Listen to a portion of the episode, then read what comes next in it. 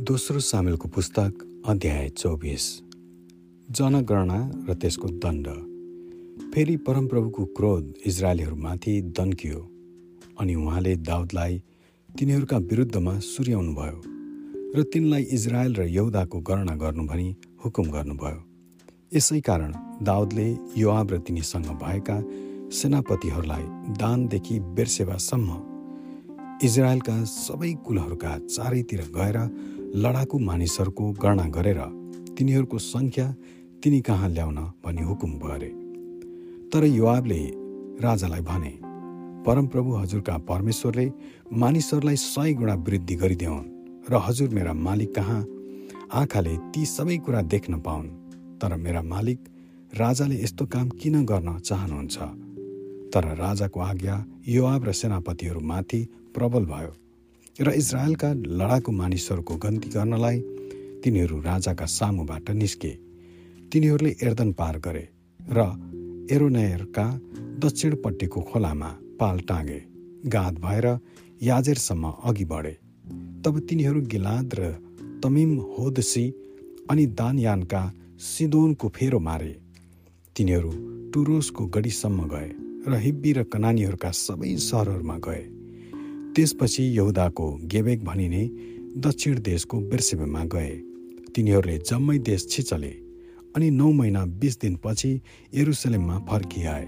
तब युवापले मानिसहरूको जम्मा सङ्ख्या राजालाई यसरी बताइदिए हतिका हतियार चलाउन सक्ने लडाकु मानिसहरू इजरायलमा आठ लाख र यहुदामा पाँच लाख थिए। मानिसहरूको जनगणना गरिसकेपछि दाउदको विवेकले तिनलाई सतायो र तिनले परमप्रभुलाई भने मैले साह्रै दुष्ट काम गरेको छु। हे परमप्रभु बिन्ती छ। आफ्नो दासको अपराधलाई दूर गर्नुहोस्। म साह्रै मूर्ख भएँ। तिनी भोलिपल्ट बिहानै उठे।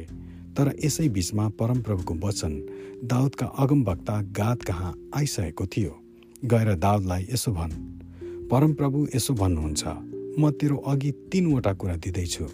ती मध्ये एउटा चुन र त्यही नै म तमाथि ल्याउनेछु। तब गाद आएर त्यही कुरा दोहोऱ्याए दाउदलाई भने हजुरको देशमा तिन वर्षसम्म अनिकाल परोस् अथवा तिन महिनासम्म हजुरलाई खेद्ने शत्रुहरूबाट भागिरहने हजुरको अवस्था होस् वा हजुरको देशमा तिन दिनसम्म रूढी चलोस्। अब विचार गर्नुहोस् र मलाई पठाउनु हुने कहाँ मैले के जवाफ लानुपर्छ सो भन्नुहोस्। तब दाउदले गादलाई भने म त साह्रै सङ्कष्टमा परेको छु।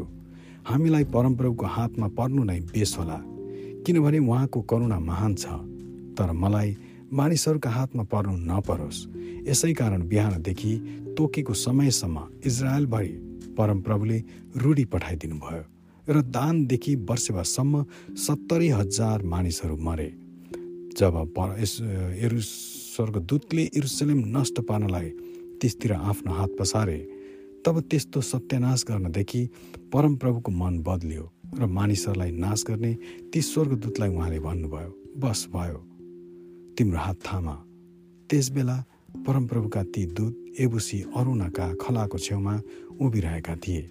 जब दाउदले मानिसहरूलाई मार्दै गर्ने ती स्वर्गदूतलाई देखे तब तिनले परमप्रभुलाई भने यो खराबी त मैले पो गरेको हुँ। पाप मेरै हो। तर यी बिचरा भेडाहरूले के गरेका छन्? तपाईँको हात म र मेरो घरानामाथि परोस्। दाउदको वेदी। त्यही दिन गाद दाउद कहाँ आएर तिनलाई भने गएर एबुसी अरुणाको खलामा परमप्रभुको निम्ति एउटा वेदी बनाउनुहोस्। गादद्वारा परमप्रभुले आज्ञा गर्नुभए चाहिँ दाउदमाथि उक्लेर गए। जब अरुणाले राजा र तिनका मानिसहरूलाई आफू भएतिर आइरहेका देखे तब तिनी गएर राजाको सामुन्ने घोप्टो परे दण्डवत गरेर भने हजुर किन हजुरको दासलाई भेट गर्नलाई आउनुभयो? दाउदले जवाफ दिए मानिसहरूमाथि चलेको यो रूढी बन्द होस् भने। परमप्रभुको निम्ति एउटा वेदी बनाउनलाई तिम्रो खला किन्न भनी म आएको हुँ। अरुणाले दा दाउदलाई भने बिन्ती छ हजुर। त्यो लानुहोस् र जस्तो योग्य सम्झनुहुन्छ त्यस्तो बलिदान चढाउनुहोस्। होम बलिको निम्ति म कहाँ गोरु र दाउदको निम्ति तिनका जुवा र दाई गर्ने काठहरू छन्? अरुणाले यो सबै राजालाई तिनका कामको निम्ति दिएर भने परमप्रभु हजुरका परमेश्वरले हजुरलाई ग्रहण गरून्। तर राजाले अरुणालाई भने होइन म ती तिमीबाट किन्नेछु। पैसा नपरेको चिज लिएर परमप्रभु मेरा परमेश्वरलाई म बलिदान चढाउने छैन। यसकारण दाउदले त्यो खला र गोरुहरू चाँदीका पचास सिक्कामा किने। त्यहाँ तिनले परमप्रभुको निम्ति एउटा वेदी बनाए र होम बलि र मेल बलिहरू चढाए। तब देशको निम्ति तिनले गरेको प्रार्थना परमप्रभुले स्वीकार गर्नुभयो र इजरायलमा चलेको रूढी थामियो। आमेन।